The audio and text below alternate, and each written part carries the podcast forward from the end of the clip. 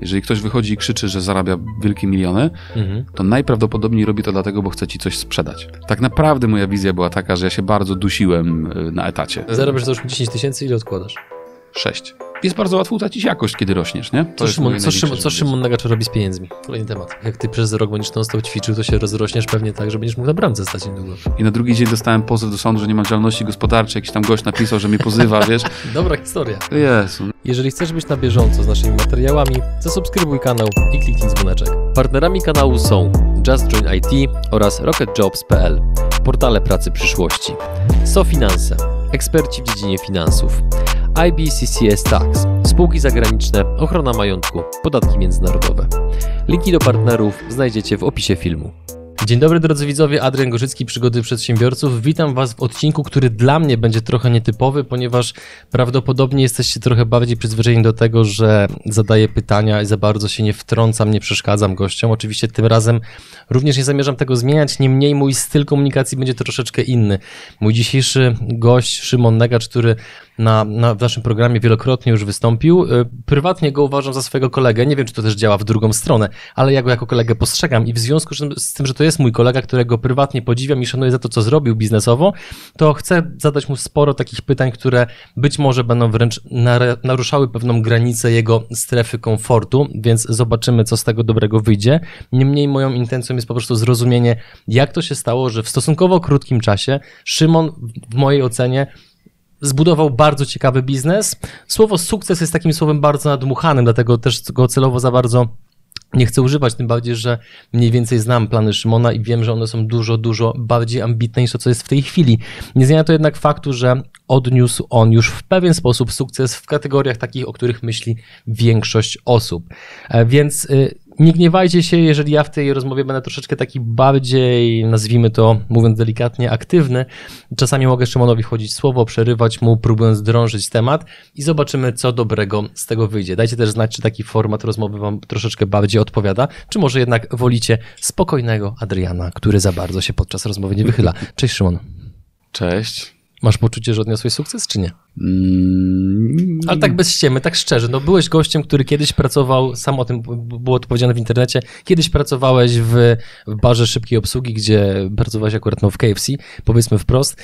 Mm, Z tamtego miejsca do miejsca, w którym jesteś obecnie, kolosalna droga. Spodziewałeś się, że tak będzie? Nie. Nie spodziewałem się. Znaczy, wiesz co, bo ja zawsze miałem taki problem, że na przykład jak byłem w podstawówce, to moi kumple oglądali się za Porszakami i mówili, to są auta, a ja marzyłem za jakimiś takimi rzeczami bardziej w zasięgu. Ja nigdy nie miałem takich marzeń, że tam, Mhm. wiesz, będę nie wiadomo kim, nie wiadomo jak, nie wiadomo gdzie. e, Nie. Dlaczego? Wiesz co, bo- Rodzice jakoś to w tobie może, nie wiem, hamowali, to była kwestia wychowania, no bo to raczej się nieczęsto słyszy, że młody chłopak, któremu buzują hormony, e, rozgląda się za przeciętnymi rzeczami. No, hello. Wiesz co, nie, jakby ja bardzo lubiłem osiągać cele i to też sprawia, że ja bardzo nie chciałem e, stawiać sobie celów, których nie osiągnę. Dlatego, że jak jesteś w takim ciągu, że, że osiągasz i że jakby twoja własna głowa mówi tobie, że hej, potrafię to robić. Ja, jakby nie miałem nigdy takich celów, ale to też wynika z tego, że ja zacząłem karierę jako bardzo młody człowiek i to też otoczenie mnie mocno pacyfikowało, nie? że jakby ja, ja rozumiałem swoje miejsce w szeregu, nie? Byłem po prostu zawsze byłem młodszy, wiele najmłodszy, najczęściej byłem najmłodszy w firmie, e, co też sprawiało, że jakby ja, nie miałem takich celów, ja raczej miałem tak, że wszystkie moje decyzje, i tutaj nie przesadzę jak to powiem, wszystkie moje decyzje zawodowo-biznesowe były podyktowane tylko i wyłącznie tym, że ja zbyt wiele dni z rzędu wracając do domu patrzyłem w lustro i mówiłem, że to co teraz robię to mi się nie podoba. Mhm. Okej, I zmieniałem wtedy. okej. I te zmiany doprowadziły mnie do dnia dzisiejszego. To nie było tak, że miałem jakiś plan, że założę firmę, ta firma będzie rosnąć i tej firmy zatrudniać. I nawet jak założyłem tą firmę, to ja byłem absolutnie święcie przekonany, że ona nie będzie rosnąć. Dlaczego? Skąd takie założenie? No bo wiesz, firma doradcza y, teoretycznie jest tak, że jak jesteś solistą, mar, jakby marketującą swoją markę osobistą, to nie zbudujesz dookoła siebie zespołu, bo każdy chce pracować z tobą. Mhm. Nie? I, I nam, znaczy udało się to przełamać, ale to też nie było tak, że ja tam planowałem, miałem, wiesz, jakiś tajny plan. Raczej moja wizja była taka, że ja chciałem. E, tak naprawdę moja wizja była taka, że ja się bardzo dusiłem e, na etacie, ale to na takim poziomie się dusiłem, że, że to jest mi aż ciężko opisać. Nie? To już firma była jedyną rzeczą, której nie próbowałem. A dusiłeś się z powodu czego? Braku sprawczości? Czy atmosfery w pracy? Czy jeszcze czegoś innego? Wiesz co, wszystkiego może trochę pod trochu, wiesz, na, na, na, pewno tego, że nie miałem wpływu na całość, że jako dyrektor sprzedaży wchodzi, mówię, musimy to tak zrobić, ale prezes mi mówił, nie, ja tak nie chcę zrobić, nie? Albo mówiłem, że teraz to się tak robi, a tam był opór, albo e, musiałem zatrudnić ludzi, ale nie mogłem, nie? Chciałem wdrażać pomysły, które były totalnie irracjonalne na tamten czas, a, a dzisiaj na nich mhm. opiera się wiele biznesów i, i też nie mogłem. Nie? I miałem takie bardzo duże poczucie frustracji, że zajmuję się nie tymi rzeczami, które, którymi chcę. Jednocześnie kosztowało mi to bardzo dużo wysiłku, pracowałem po godzinach, wiesz, jak dyrektor sprzedaży od 8 do 16 to nie jest dyrektor sprzedaży, nie? Mhm. E, I, I ja byłem w takim momencie kariery, że tak naprawdę jakby mi firma nie wyszła, to już nie wiem, co ja bym robił, nie? Nie miałem nawet pomysłu tak? na to. No. Ile, ile teraz masz lat? 31. Okej, okay. i jakie liczby opisują twój biznes? Takie kluczowe, które pozwolą widzom, którzy cię jeszcze nie znają i słuchaczom w ogóle zorientować się, kim jest Szymon Nagacz. Tylko to nie są w żaden sposób imponujące liczby. Okej, okay, to dodaj to... do tego wszystkiego jeszcze czas, w którym to zrobiłeś. No, ale nie, to jakby to nie są jakieś imponujące liczby, dlatego że, że to jest biznes usługowy. Biznes usługowy charakteryzuje się niskim przychodem. Tego przychodu, jeżeli utrzymamy teraz nasz miesięczny performance, jest około 10 milionów rocznie. Niski przychód, ale wysoka marżowość. Tak. Mhm. Powiedział to tak z poczuciem winy. No, więc jakie liczby? W sensie dalej? Mhm. Eee, wiesz co, no nie są niskie na pewno, ale nie wiem, czy chcę mówić dokładnie, jakie są. Mhm. A ile, ile masz w tej chwili osób na pokładzie? Około 30, ale rok planujemy zakończyć na około 40 osobach. Mhm. Eee, może więcej. Ile lat ten biznes prowadzisz? No, no. Niecałe trzy. Niecałe trzy, właśnie. Hmm, powiesz, jaki jest zysk? Nie dokładnie, ale na pewno jest większy niż milion. Okej, okay. znaczy dobra odpowiedź. Pytam dlatego, ponieważ czasami niektórzy widzowie po, po, poniekąd słusznie, też ich rozumiem, mm, zarzucają, że podawanie tylko przychodu to jest troszeczkę jak mierzenie przyrodzenia z kręgosłupem. Tak, ale podawanie dochodu, znaczy ja, ja do pewnego momentu już podałem dochód w poprzedniej serii eksperckiej, to był właśnie milion, dlatego mogę powiedzieć, że to jest mhm. więcej niż milion. To jest milion sto. Eee, więcej? Że jakby podawanie dochodu w kontekście Pięknie biznesu w pewnym momencie oznacza, mhm. że jesteś nieudolnym przedsiębiorcą. Że jeżeli masz ogromny dochód, na przykład, i nie jesteś w stanie go re, jakby reinwestować, to może się okazać, że chwilowo masz bardzo wysoki dochód, mhm. ale długoterminowo twoja firma umrze, bo większość, dochodu, bo większość dochodu konsumujesz zamiast go reinwestować w firmę, nie? Mhm. Dlatego jeżeli ktoś się, się jakby chwali, y, że ma bardzo duży dochód z dużego przychodu, no to tam, znaczy z małego przychodu, tam też trzeba się zawsze przyjrzeć, e, co dokładnie ta firma robi, bo ja na dzień dzisiejszy jestem na takim etapie, że mógłbym mieć zero dochodu. On mi de facto nie jest do końca potrzebny. Może nie zero, ale jakbym miał. Mhm. Jest, mam tak skonstruowane życie, że jakbym od jutra zaczął zarabiać 5 tysięcy na rękę, jak taki standardowy handlowiec w dowolnej branży, dałbym sobie radę zrobiłbym sesję, co prawda, paru leasingów, ale, mhm. ale bez problemu bym sobie poradził. Nie? Ja w taki sposób żyję. Ten dochód nie jest dla mnie żadnym wyznacznikiem, wiesz, jakości człowieka, e, tego, że, że on jest lepszy, gorszy, to jest, jest wyznacznikiem zdrowia biznesu, to na pewno.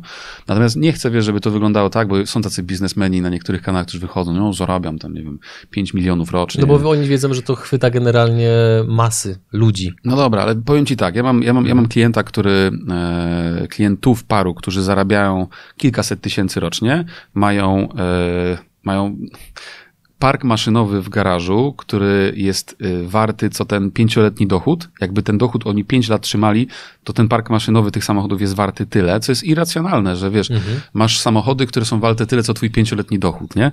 To jest bez sensu. Znaczy, to jest być może fajnie, ładnie to pokazać, być może to jest czyjaś pasja i ja czegoś nie rozumiem, ale właśnie najczęściej, najczęściej jeżeli ktoś wychodzi i krzyczy, że zarabia wielkie miliony, mhm. to najprawdopodobniej robi to dlatego, bo chce ci coś sprzedać. Mhm. I ma, chce wywołać w tobie jakiś, wiesz, podziw, nie? Jakieś takie wow, ale on to zrobił, kupił u niego kurs, mhm. nie? A to, to się trochę bo... potwierdza, bo ja też zauważyłem coś takiego, po, patrząc przez pryzmat gości, które mam okazję mieć w programie, że ci ludzie, którzy naprawdę mają pieniądze, po nich czuć luz. Tam nie ma nie za mówią, bardzo napięcia, tam nie ma konieczności budowania swojego wizerunku czy poczucia wartości o właśnie żonglowanie liczbami. I to w ogóle, co, co jest co ciekawe, ta miara, ona mnie jeszcze nigdy nie zawiodła. Za każdym razem, kiedy widzę, używając może mało eleganckiego słowa napinacza, to od razu wiem, że tam pra prawdopodobnie PR przewyższa znacząco faktyczne aktywa.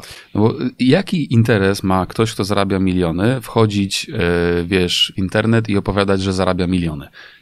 Jaki interes, mhm. żeby podbudować sobie ego? Okej, okay, nie wierzę, żeby coś sprzedać, pewnie wierzę, żeby wywołać jakiś, wiesz, podziw, który jest związany z jakimś tam, wiesz, poczuciem niepokoju, być może też.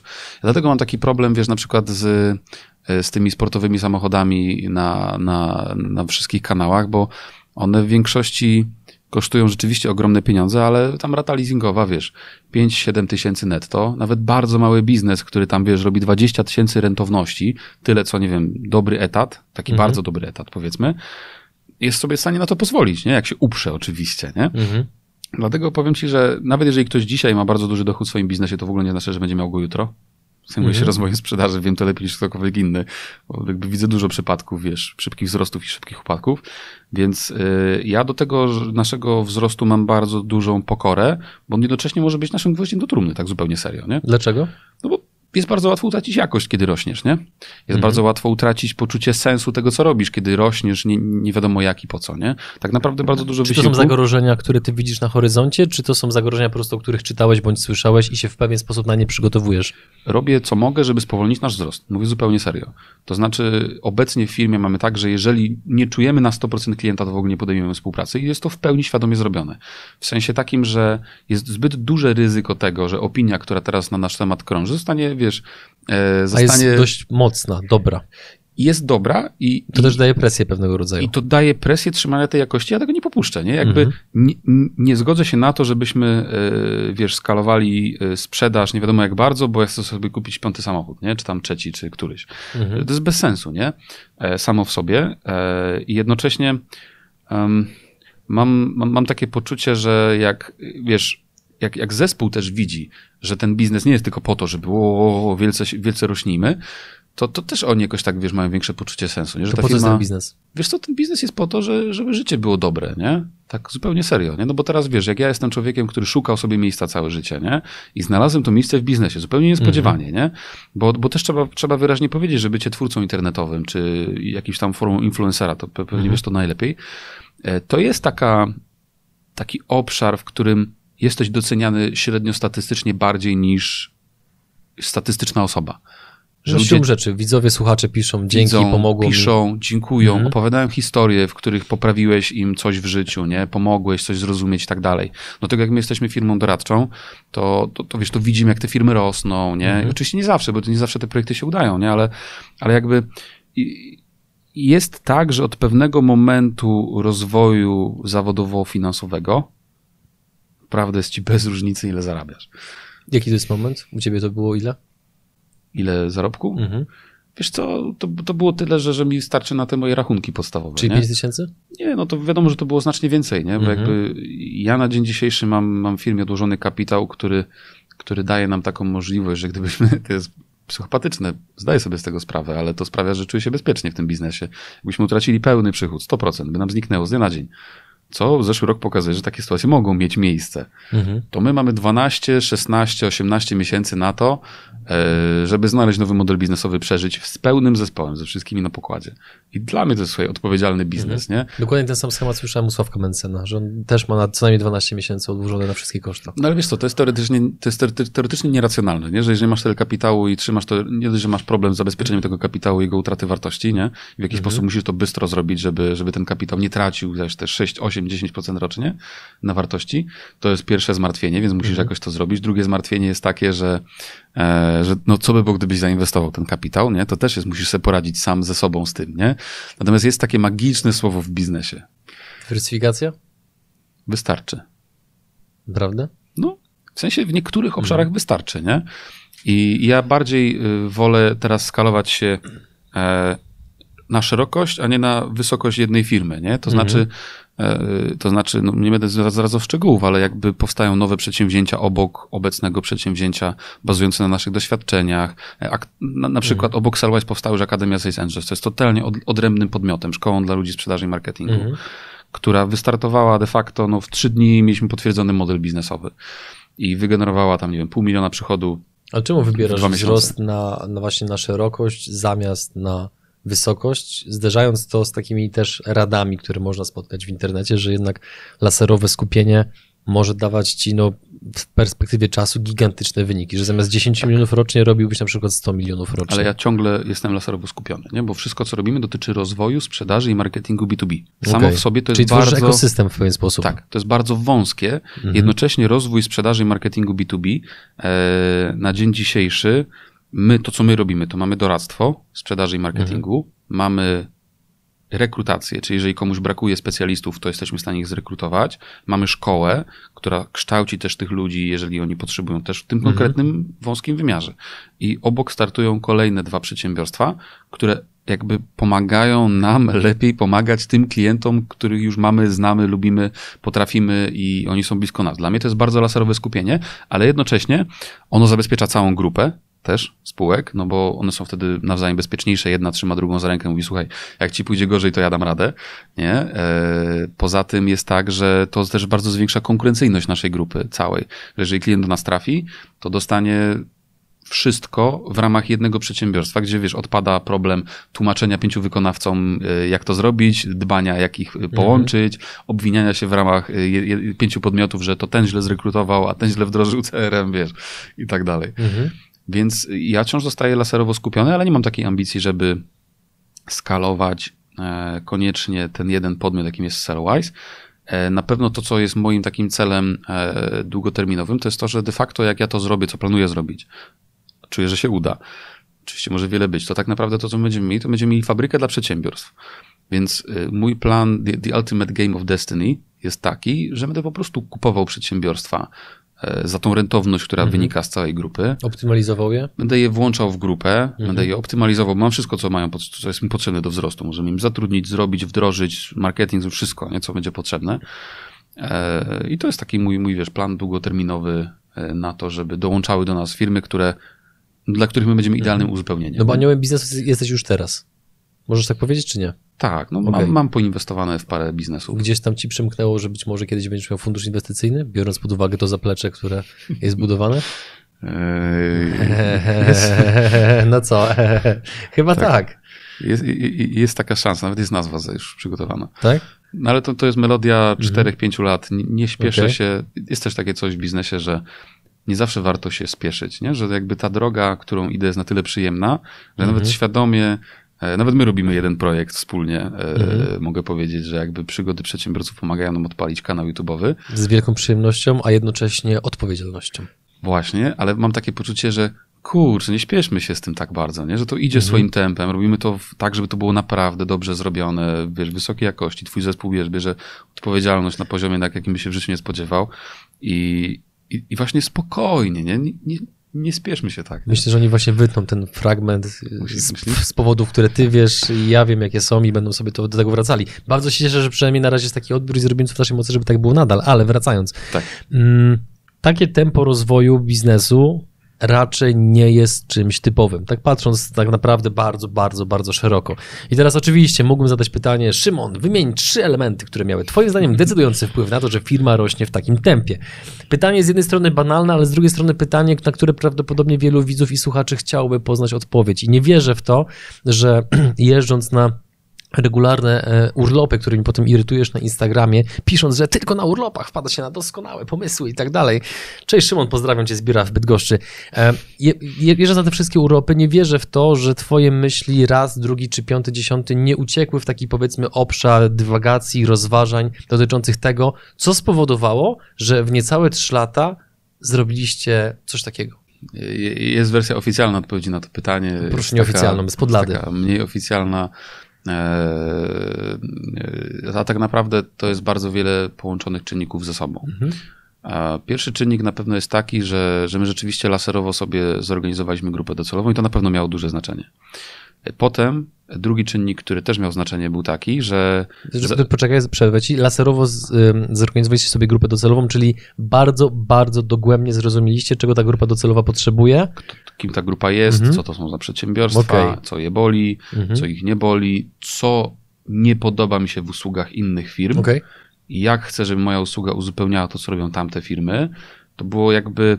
Ja zanim rzuciłem etat, miałem to sprawdzone. Mhm. Czyli jak Czyli rozkochać jakby... klientów i zniszczyć konkurencję? Znaczy to była, wiesz, to była wielka hipoteza marzyciela, który wtedy na, na, na, na tamten czas ja wcale nie miałem. Ja miałem tak, że jakby ja chciałem być sam konsultantem, mhm. jakim freelancerem tak naprawdę. Ja ten model biznesowy robiłem dla siebie.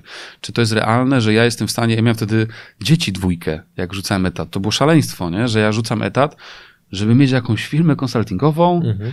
co takiej nie ma teraz na rynku, to się okazało, że jedna jest i już ma tam parę osób, mówię, o, mhm. to już się nie uda, na pewno. No nie? i tu właśnie też przerwijmy, bo tu no. ważną rzecz trzeba powiedzieć, gdyż e, często się zdarza tak, że wiedzeni właśnie romantyczną wizją zakładania biznesu, wiele osób e, rzuca swoje etaty za namową różnego rodzaju influencerów, no i potem się nagle okazuje, że nie jest tak kolorowo, jak mogłoby się wydawać. Więc czy mógłbyś powiedzieć naszym widzom i słuchaczom, jaki ty miałeś, jaką miałeś poduszkę finansową odłożoną, zanim zrobiłeś ten właśnie ruch, że poszedłeś w kierunku swojego biznesu, bo to jest bardzo ważna informacja. Dobra, to są, to są dwie, dwie części odpowiedzi na to pytanie. Pierwsza część jest taka, że ja po prostu pracując jako dyrektor sprzedaży wiedziałem, że wystartowałem 150 różnych przedsięwzięć, które się nie udały.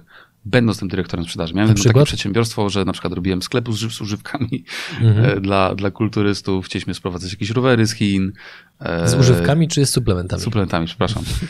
Powiedziałeś prawdę, spoko. To jest, Odhaczone. To jest istotne, Będą szoty. Istotne pytanie. Mhm, mhm. Tak. E, jakby e, kiedyś na przykład odpaliłem sprzedaż na Amazonie e, różnych sprzętów RTV Euro AGD. Jednej nocy niechcący sprzedałem 120 lodówek do UK'a, bo algorytm mi to wiesz, wystawił, policzył i tak dalej, tylko się okazało, że to są lodówki z europejską wtyczką, a to jest nielegalne sprzedawać lodówki z europejską wtyczką w UK'u. Mhm. Nie można ich przez przejściówkę. Także jakby wiele miałem takich, wiesz, y, porażek różnych biznesowych, jesteś dyrektorem sprzedaży, tam zawsze prezes coś wymyśla, to zróbmy, taką akademię zróbmy, coś tam zróbmy, więc ja miałem szczęście być, być jakby dyrektorem sprzedaży takich przedsięwzięciach, gdzie było dużo tych pomysłów, ja widziałem, jak one umierają, więc jakby ja sam nie byłem gotowy na to, żeby, wiesz, zrobić swoje przedsięwzięcie niedostatecznie myśląc na tym, nie planując. Więc jakby miałem zaplecze, w którym przetestowałem to parę razy. To jest pierwsza rzecz. A potem druga rzecz, dużo, dużo, dużo trudniejsza jest taka i uważam, że Gdyby nie to, to ja nie wiem, jakby moje życie się potoczyło. Ja przez 5 lat odkładałem kasę. 5 lat. 5 lat i odkładałem ją na, tak, na, na, takim bardzo ortodoksyjnym poziomie momentami. Co to znaczy? To, to, to znaczy, że. Zarabiasz załóżmy 10 tysięcy, ile odkładasz? 6. Mhm, dużo. Tak, no i to i jakby nazbierałem 160 tysięcy na tamten czas. To było dużo i niedużo, bo jak się dowiedziałem, że rezygnuję z etatu, to muszę oddać auto służbowe. Szokujące w ogóle. Nie wziąłeś tego pod uwagę w swoich wliczeniach? Nie wziąłem, no, okay. no, bo to było dla mnie naturalne, że zawsze mam auto, nie? Aha. No i oddałem to auto służbowe, więc tam odpadło 20 tysięcy na wpłatę w leasing. E, no i wiesz, i miałem policzone, że przy takim oszczędnym gospodarowaniu, wiesz, z ZUS-em, tymi opłatami wszystkimi, tym, co muszę wydawać na marketing wtedy mhm. i tak dalej, to, to uciągnę rok, półtora nie? Na, tym, mhm. na tym mhm. koncepcie. Miałem, jakby, miałem bardzo silny bezpiecznik, że skoro mam już potwierdzony model biznesowy, teraz rezygnuję, e, mam poduszkę na 12, 16, 18 miesięcy, no to pół roku przed zakończeniem Czemu poduszki... 12, 16, 18? No bo jakby nigdy nie wiesz, ile dokładnie okay, wyda, że miałem dobra. tam widełki pozytywny, optymistyczny, mhm. scenariusz pesymistyczny, Mhm. Musisz tak mieć. Jak, jak, no. jak jesteś informatykiem, tak. tak. E, i, e, I miałem taki wewnętrzny deal ze sobą, że po prostu jeżeli zostanie mi pół roku pieniędzy, to jest ciekawe, że pieniądze da się liczyć w czasie, ale tak było, nie? Jak zostanie mi pół roku pieniędzy, mhm. to wtedy zaczynam pilnie szukać etatu po prostu i wracam gdzieś na łapkach i męczę się dalej sam ze swoją głową i z tą pracą. Mhm. No i teraz właśnie, no bo w odcinku serii eksperckiej, którą w ogóle zapowiemy na koniec e, tego nagrania, mówiłeś między innymi właśnie o początkach tego biznesu, natomiast też, żeby nie dublować treści, no. to właśnie przejdźmy do tego, jak to się stało, że z pierwszej osoby w postaci e, Marty, która, którą Często, Pozyskałeś z rynku pracy jako właśnie ogarniacza biznesu, tak się nazywało stanowisko pracy, gdzie Szymon rekrutować, co też być może dla niektórych z Was jest podpowiedź, że e, ciekawych współpracowników można między innymi pozyskiwać poprzez bardzo niestandardowe nazewnictwo miejsca pracy. Jakie były kluczowe elementy od tego pierwszego pracownika do obecnych, powiedziałeś, 40, tak? 30, pod 30 osób, do końca roku 40. Okej, okay. czyli 30. Mhm, tak. Proszę. Um, Wiesz co, przez pierwsze pół roku nic się nie wydarzyło zatrudnienia pracownika. Mhm. True story. To znaczy ona przyszła, pozyskiwała biznes, pomagała mi go robić i pół roku to wszystko szło tak jak normalnie, byliśmy we dwójkę. E, potem pojawił się taki moment, że ja się tak zacząłem drapać po głowie i mówię, hej, no ale ten nasz lejek marketingowy to w sumie działa, e, klienci, klienci spływają, może jednak dałoby się, wiesz, jakby, jakby skalować ten biznes, zatrudnić konsultanta, nie? E, I zacząłem, zacząłem rekrutację, wrzuciłem takiego posta na LinkedIn, że szukam, zgłosiło się masę ludzi, masę jakichś ekspertów sprzedaży, nie?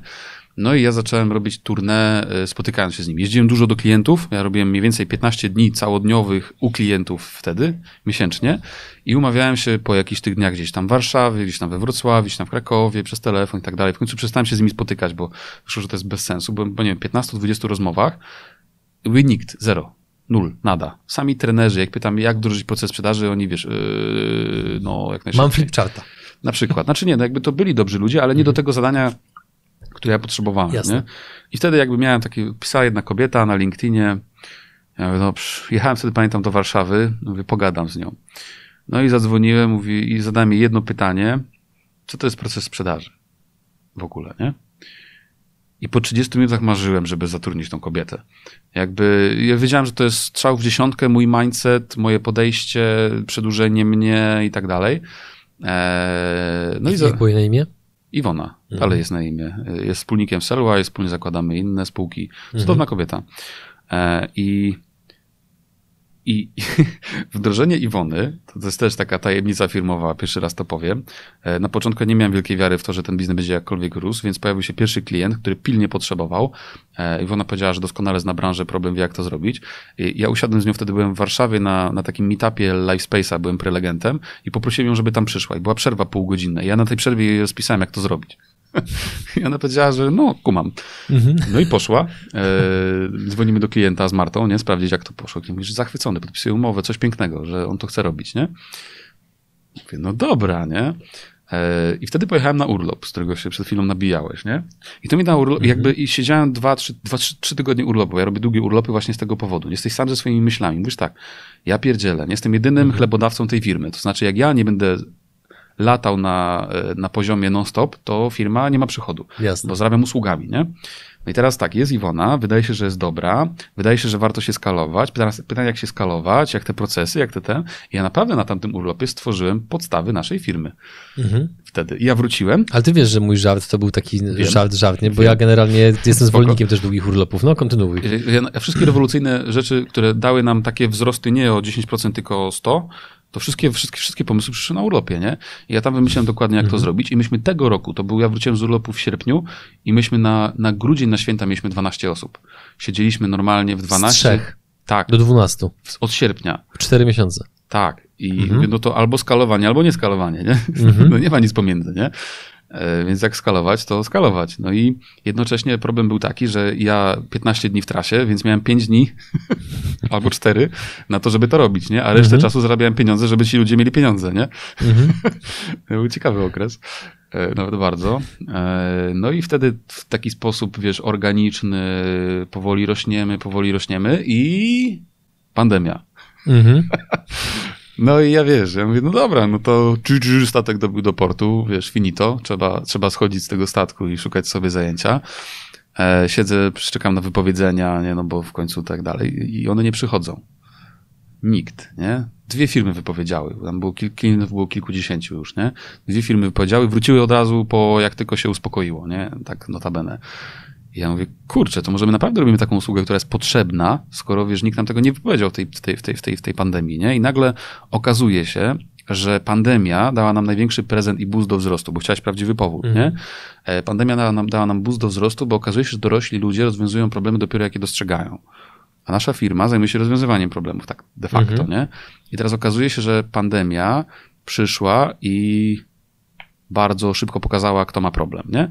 I ci ludzie widzieli na bieżąco, że jest problem, jest problem, który trzeba rozwiązać, więc paradoksalnie u nas od y, startu pandemii rozpoczyna się krzywa rosnąca do dzisiaj i ona się dalej nie zatrzymała, dynamika nawet rośnie. Jak w tym wszystkim mm, przy takim tempie wzrostu zachowujecie jakość? No bo n- ciężko mi w to uwierzyć, Mhm. To że przy takim pytanie. tempie rekrutacji nie trafiają się osoby, które po prostu nie pasują do kultury firmy, które się okazują z, no, z różnych powodów po prostu niepasującymi. Tak, trafiają się.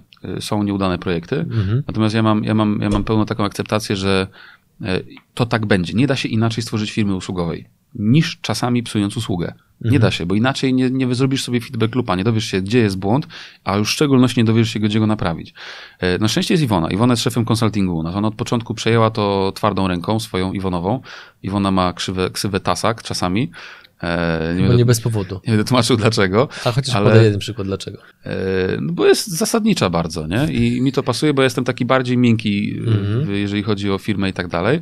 A Iwona mnie uzupełnia takim bardzo zasadniczym podejściem, konkretnym, e, niecierpiącym, niecierpiącym jakby, nie powiem, że sprzeciwu, bo ona się sprzeciwu nie boi, ale jest bardzo merytoryczna, nie? I ona, mm-hmm. ona prowadziła wcześniej firmę szkoleniową. To nie jedną. I wiedziała dokładnie, jak poukładać te procesy, nie? I zgodnie z tym, co co od Iwony gdzieś tam się dowiedziałem, to układaliśmy to po prostu organicznie. Tam, gdzie był problem, tam go naprawialiśmy. Mhm. E, mieliśmy bardzo duże szczęście do rekrutacji na początku, bo podcast nam pomógł rekrutować ludzi, którzy co do zasady są tacy jak my. No i w ogóle też podcast powinien zostać w ogóle wymieniony jako jeden z chyba z głównych źródeł też w ogóle wzrostu tak, firmy. Tak, tak, tak, tak. No to, to mhm. o, nim nie powiedzieliśmy, ale tak, jakby mhm. z podcastu zgłosili się nas konsultanci, których my nie musieliśmy jakoś specjalnie, wiesz, wdrażać. Nie? To nie po prostu byli dobrzy z zasady, nie? My musieliśmy raczej e, zrobić to tak, żeby oni chcieli u nas pracować, nie? To, to, to było większe mhm. pewnie wyzwanie. E, więc jakby były wtopy, ale ja też miałem, miałem takie przekonanie zawsze. E, pamiętam, że jak była poprzednia seria ekspercka u was, jeden klient e, został naszym klientem ze względu na tą serię ekspercką i powiedział, że usługa jest dokładnie, dokładnie odwrotna niż w tej serii eksperckiej, nie? Że ja tam nagadałem, nakłamałem, nie? I ja generalnie... Mocne stwierdzenie. Tak. I ja mu powiedziałem, że ma rację. I naprawdę miał rację, nie? Myśmy naprawdę to spieprzyli, nie? I nie ma co mhm. ukrywać. Zwróciliśmy mu wszystkie pieniądze, przeprosiliśmy go i powiedzieliśmy, że tamten błąd nie, jakby nie ocenia nas jako firmy, tym bardziej, że to też była firma usługowa, na pewno ocenia ten konkretny proces. I jakby co, chętnie do niego podejdziemy od nowa, chętnie weźmiemy to na klatę i zaczniemy go na nasz koszt na przykład, nie? Oni akurat powiedzieli, że nie chcą, ale ja się nie boję, wiesz, przyznać klientowi hmm. racji, że coś zostało zepsute. Natomiast problem jest też często taki, że klient jest niezadowolony z usługi, dlatego, że na przykład spodziewał się, że wiesz, że, że nie wiem, rzeczy się wydarzą w miesiąc, nie? Albo że konsultant to będzie odbierał wieczorem telefony, nie? Albo, bo często są takie oczekiwania niewypowiedziane, nie? które gdzieś tam wychodzą i wtedy już na to nie mamy wpływu, nie? Jakby mam takie zdanie, że każda firma usługowa musi mieć niezadowolonych klientów. To jest nierealne, żeby firma usługowa nie miała niezadowolonych klientów.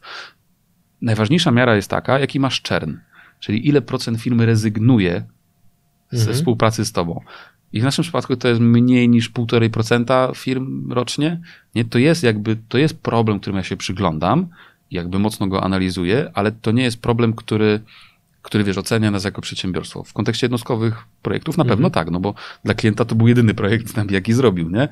to, co my możemy zrobić, to go przeprosić, znaleźć sposób naprawy i tak dalej, to, to robimy. Nie? Tu się wtrącę. Zgodzisz się pewnie, że Pareto działa praktycznie wszędzie. Tak. Więc gdybyś miał skomentować właśnie przez pryzmat Pareto, co powoduje, że macie tak niski czern, to co byś powiedział? Tylko nie mów, że świetny zespół czy coś, bo to jest nie. jasne. Ja, ja znam odpowiedź. Wgryźmy się. Znam odpowiedź. Najczęściej współpraca jest przerywana z klientem, dlatego że on ma jakieś niewypowiedziane frustracje. Nie? I on mówi, no kurde, ciągle mi nie odpowiadają, to jest źle, tam to jest źle i w tle sobie szuka współpracownika nowego, nie? I znajduje, odchodzi, pyk, mhm. zrobione. A teraz jak my pracujemy jako konsultaci, jesteśmy co miesiąc u ciebie, co mhm. dwa tygodnie, co tydzień, jesteśmy non-stop w ciągłej pętli feedbackowo pracującej, my non-stop mamy dostęp do tego, co nie gra, co gra, co poprawić, co zmienić, jak się zachować, mhm. co zrobić. My po prostu jesteśmy tam non-stop. Że w, w naszą usługę jest wpisane to, że po prostu jak klient tylko chce i jest w stanie powiedzieć, co mu się podoba, a co nie, to my zawsze znajdujemy rozwiązanie, bo przecież jesteśmy ludźmi, nie? E, nawet jeżeli dojdzie do jakiegoś takiego mocnego ekstremum, że konsultant cię denerwuje, co jest realne. Czasami spotykasz człowieka, co tak widzisz go po i prostu mówisz... chemii. Po prostu, nie? Najzwyczajniej mhm. w świecie. Tak, no nie, nie lubię człowieka. Nie? Czasami mhm. się tak zdarza. Widzisz i wiesz. No to też nie jest już problem, bo jak mamy tych konsultantów 20, no to to zawsze znajdziemy kogoś, kto dobrze uzupełni ten konkretny temat. Więc tak naprawdę to jest powód, nie? że jakby to nie jest taka usługa, jak często na przykład wiem, agencja marketingowa robi jakiś tam marketing i prezes raz na dwa miesiące pyta, no i jak tam ten marketing? Mówi, ale jak to tak, nie? Szukamy kogoś nowego. Mhm. Tylko tu non-stop jesteśmy w kontakcie z tym prezesem cały czas. To jest główny powód moim zdaniem mhm. niskiego czernu i z drugiej strony też to, że robimy rezultaty. E, klientom. Nie? Jaki, jaki jest rezultat, z którego jesteście najbardziej dumny i jakie są przeciętne rezultaty, które dostarczacie klientom? Nie da się powiedzieć czegoś takiego jak przeciętny rezultat. Ja nie powiem nawet tego na głos, bo my oczywiście wiemy, jaki jest przeciętny rezultat, mhm. ale nie mówię go, bo to zostanie kotwicą w czyjejś głowie. Jak ja powiem, no, że będzie miał takie oczekiwania. Średnio generujemy tyle wzrostu, to na przykład przyjdzie ktoś do nas, to robi 16 miliardów obrotu i powie, no to tyle, tyle poprosimy, mhm. nie? I wtedy wiesz, no to, to jakby dlatego nie podaję, ale e, u nas na stronie w case studies są rozpisane poszczególne case'y. Na przykład jest software house, który urósł mhm. 300%, jest firma produkcyjno-przemysłowa 100 osoba, która urosła 50.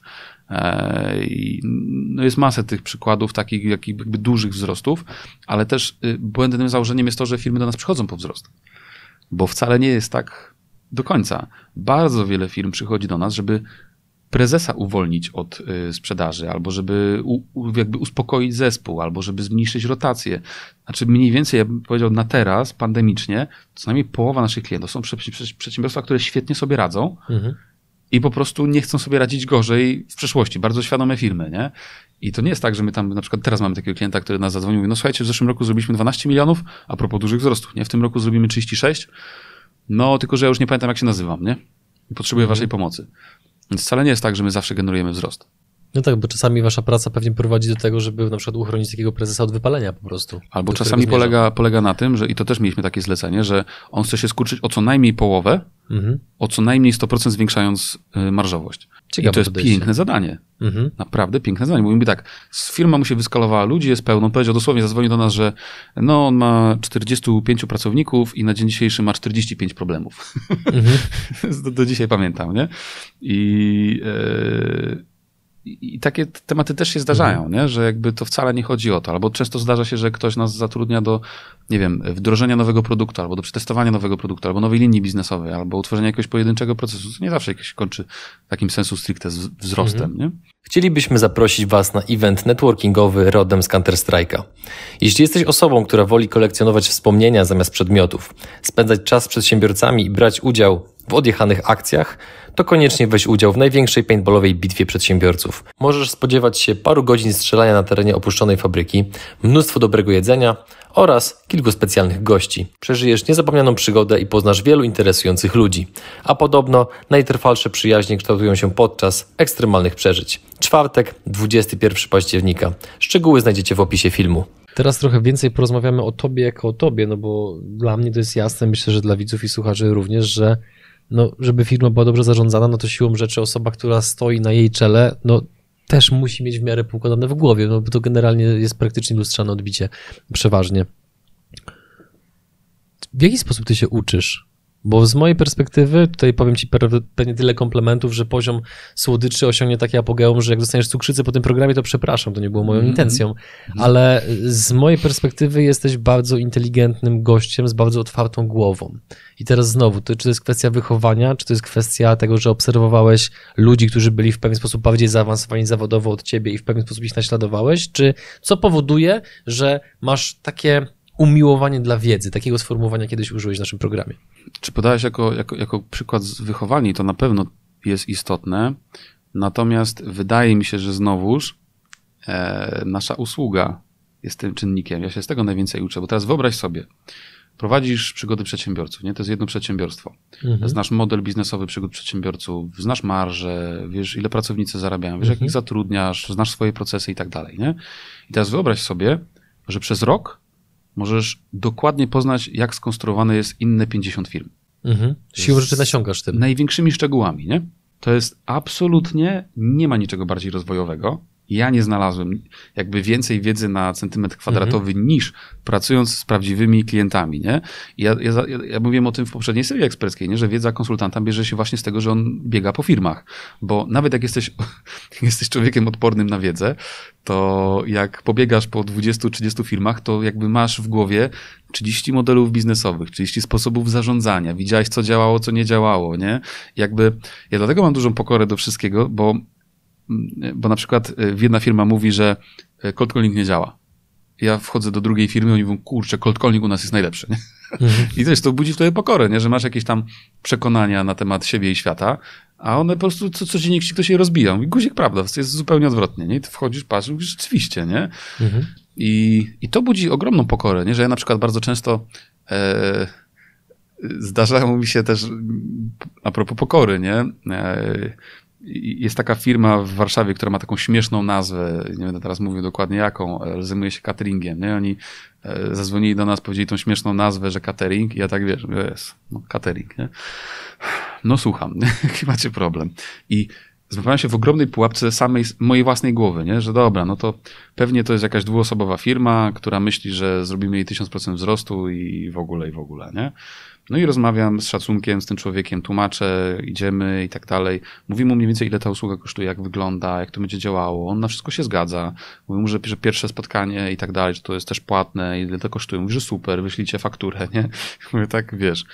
A potem podjeżdżam pod tą śmiesznie naz- nazwaną firmę do Warszawy, okazuje się, że to jest w ogóle największa polska firma, która ten catering robi dla firm na eventy, nie? Mhm. I ja tak wiesz. I to są momenty, w których nabierasz pokory sam do siebie i do tego, co ci ludzie robią, bo bardzo często się okazuje, że na przykład przedsiębiorca, który nie ma takiego sexy biznesu, nie? To nie jest taki biznes, żeby się pochwalić, że mam startupy, robię albo coś, inwestorzy do Stanów, mhm. nie? Tylko to jest coś takiego trywialnego, nie wiem, hurtownia dywanów, nie? Na przykład. Mhm. Nie będziesz chodził się chwalił na mieście, że masz hurtownię dywanów. Ale okazuje się, że od takich hurtowni dywanów to się można kosmicznych rzeczy nauczyć, nie? Jak oni sobie zorganizowali kanał dystrybucji, jak, wiesz, jak mają just in time to, siam to, wam, to w ogóle kosmos, nie? Jest taka tendencja do przeceniania tych takich nowoczesnych biznesów, poradników biznesowych i tak dalej, ale gdzie ty się nauczysz biznesu, jak nie od ludzi, którzy go robią, nie? Mhm. No i, i dla mnie to jest... Od firmy, która na przykład wywozi śmieci, nie? Potrzeba, która zawsze praktycznie będzie z nami. Kosmos, nie? I teraz wiesz, to naprawdę uczy pokory, nie? Bo masz mhm. takie przekonania wobec własnego biznesu na przykład, e, gdzie ja chodzę do klienta, wychodzę od niego i mówię, ja pierdzielę, nie? To, to, to może działać inaczej, nie? I teraz ja naprawdę uważam, że jak, jak gram w biznes, tak jakbym grał na kodach. No bo, Przez to, że masz taki dostęp do wiedzy. Bo, mam, bo jakby nikt nie ma takiego dostępu do wiedzy, tak uważam, jak firma doradcza. Mhm. Bo normalnie prawdy nie powiesz. W wywiadzie nawet. Nie powiesz pełnej prawdy, bo nie możesz, nie? Nie powiem ci dokładnie, ile zarabiam, nie powiem ci, jaka jest rentowność, czego, mhm. gdzie, jak, jak pozyskujemy klientów, jak dokładnie wygląda. Nie powiem tego, bo to jest moja, wiesz, to jest moje know-how, nie? Ale jak idę do firmy doradczej i proszę ją o wsparcie, to my jesteśmy gotowi podpisać wszystkie NDA-ki. Te wiadomości nigdy do nikogo nie dotrą, mhm. bo nie mają prawa, nie? Bo inaczej ludzie by nam nie ufali, ale to jest jak do lekarza. Jak mu powiesz nieprawdę, to on ci nie da poprawnej diagnozy, więc oni też to wiedzą, mówiąc nam po prostu, pokazują. Mhm. A to to, co też mówiłem wtedy w tej serii eksperckiej, że jeżeli ktoś nie chce podpisać NDA, ja pracuję jako konsultant, no trochę słabo. To trzeba się go obawiać, nie? Mhm. Więc jakby po prostu. To co Szymon, co, Szymon, co Szymon Nagacz robi z pieniędzmi? Kolejny temat. To jest dobre pytanie. Wiesz co, ja z pieniędzmi robię coś takiego, żeby e, nie martwić się pieniędzmi. No, Paulo Coelho znowu, no? E, nie, ale to jest prawdziwa odpowiedź. To znaczy, ja mam taki budżet, który przeznaczam na przyjemności. Ile? Mm, mniej więcej 5% dochodu. To nie jest jakoś... Co za precyzyjna odpowiedź, aż wypiję twoje zdrowie. Nie jest jakoś strasznie dużo. Mhm. E Natomiast reszta jest jakby inwestowana, reinwestowana w, w takie źródła, które mnie uniezależnią finansowo.